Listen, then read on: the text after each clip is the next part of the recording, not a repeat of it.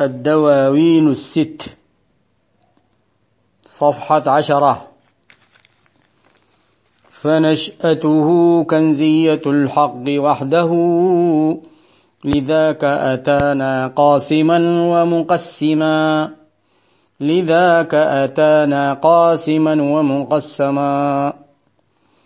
فآي جميع الرسل آي محمد. فمنه إليه كل شأن معمما.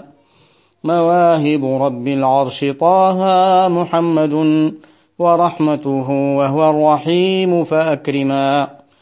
بشير نذير مقسط وهو قاسم. جواد كريم باسط الكف منعما. مقفا أمين وهو في الرسل مجتبى. حبيب إله العرش بدءا ومختما وأبيض يستسقى الغمام بوجهه به نار ليل الجهل إذ كان مظلما. صلى الله وسلم عليه وعلى آله وصحبه حق قدره ومقداره العظيم.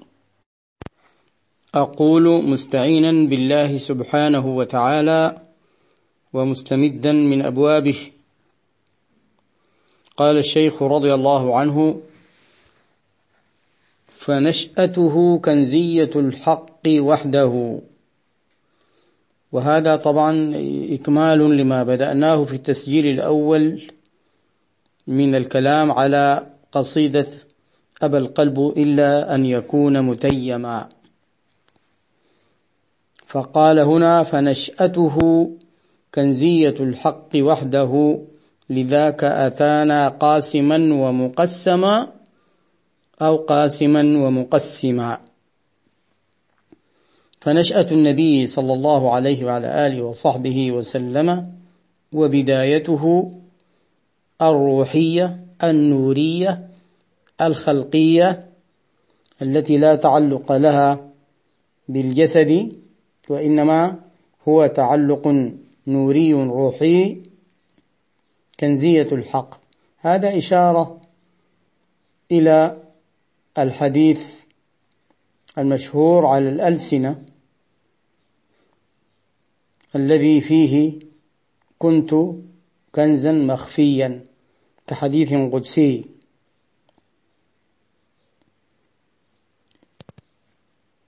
فأحببت أن أعرف فخلقت خلقا فبي عرفوني.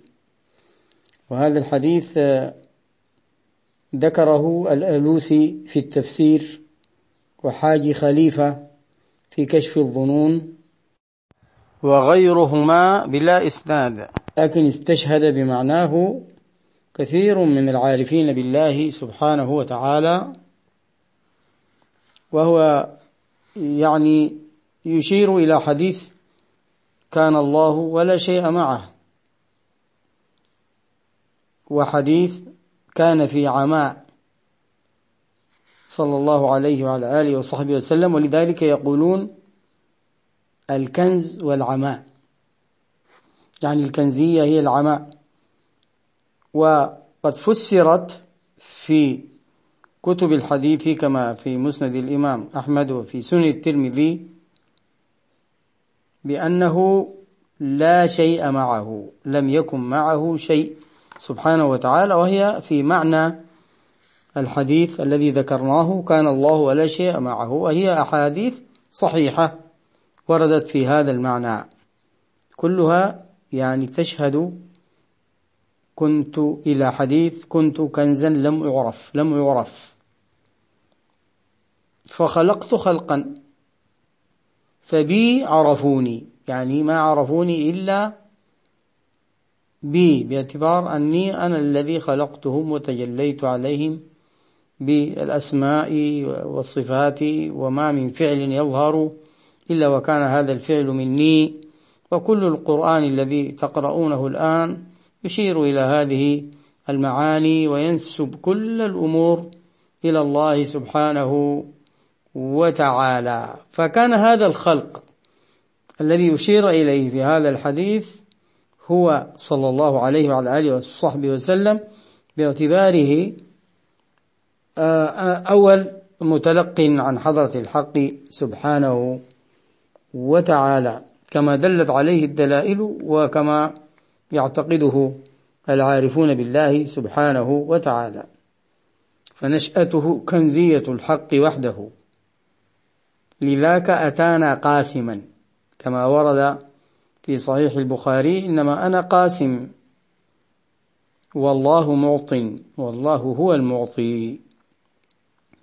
ومقسم ومقسم وردت بصيغة اسم الفاعل واسم المفعول. فمقسم هي بمعنى قاسم ومقسم بمعنى أنه صلى الله عليه وعلى آله وصحبه وسلم باعتباره النور الأول فالمظاهر كلها التي تظهر بعد ذلك إنما تظهر من هذا النور الذي خلقه الله سبحانه وتعالى. ثم فرع على ذلك فقال فآي جميع الرسل آي محمد فمنه إليه كل شأن معمما فآي آيات ومعجزات. جميع الرسل هي آيات النبي صلى الله عليه وعلى آله وصحبه وسلم باعتبار أنه هو الأصل الذي تفرعت منه هذه الهبات الإلهية.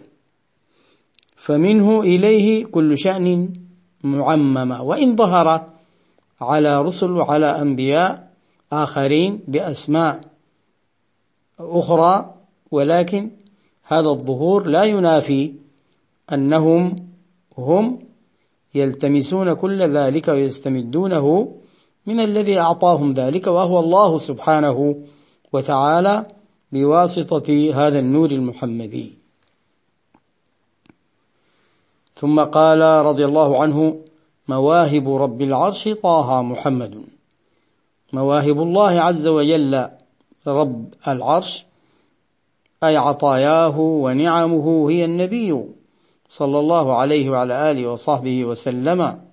كما ورد في الخبر محمد نعمة الله صلى الله عليه وعلى آله وصحبه وسلم تفسيرا لقول الله عز وجل يعرفون نعمة الله ثم ينكرونها وكذلك هو رحمته كما نص القرآن وما أرسلناك إلا رحمة للعالمين وهو الرحيم أيضا منعم بدقائق النعم التي وهبها الله عز وجل لخلقه فهو صلى الله عليه وسلم يمدهم بما أعطاهم الله عز وجل فأكرمن أكرما أي أكرمن. الألف هنا منقلبة عن نون توكيد. بشير نذير يعني في البشارة والنذارة. بشير للمؤمنين ونذير لغيرهم مقسط عدل وهو قاسم كما تقدم جواد كريم في العطاء باسط الكف وليس هناك يعني أكرم ولا أجود منه صلى الله عليه وعلى آله وصحبه وسلم حال كونه منعما. مقفا كما هو مكتوب هنا وأيضا ورد اللفظ بمغف. في الحديث الشريف الذي رواه الإمام مسلم وذكر فيه بعض أسمائه صلى الله عليه وعلى آله وصحبه وسلم قال وأنا المقفي المقفي بصيغة اسم الفاعل فالمقفي باعتبار أنه الذي جاء في الظهور برسالته الخاتمة بعد الرسل مقفيا فبهداه مقتده. والمغفى هو المتبع إذا جاءت باسم المفعول. تأخر بعد الرسل وهو مقدم أمين صلى الله عليه وعلى آله وصحبه وسلم. أمين على رسالة الله عز وجل وعلى مواهبه وأمين كذلك في تعامله مع الناس لأنه هو الأمانة كلها والأمانة صفة من صفات الرسل التي يجب الإيمان بها. وهو في الرسل مجتبى أي مختار من عند الله عز وجل ليكون هو أفضلهم. حبيب إله العرش حبيب الله بدءا ومختما سواء كان في بدء خلقه أو بعد بعثه صلى الله عليه وعلى آله وصحبه وسلم لأنه ذكر كما في الحديث كنت أول الناس في الخلق وفي رواية كنت أول الأنبياء في الخلق وآخرهم في البعث صلى الله عليه وعلى آله وصحبه وسلم. وأبيض يستسقى الغمام بوجهه.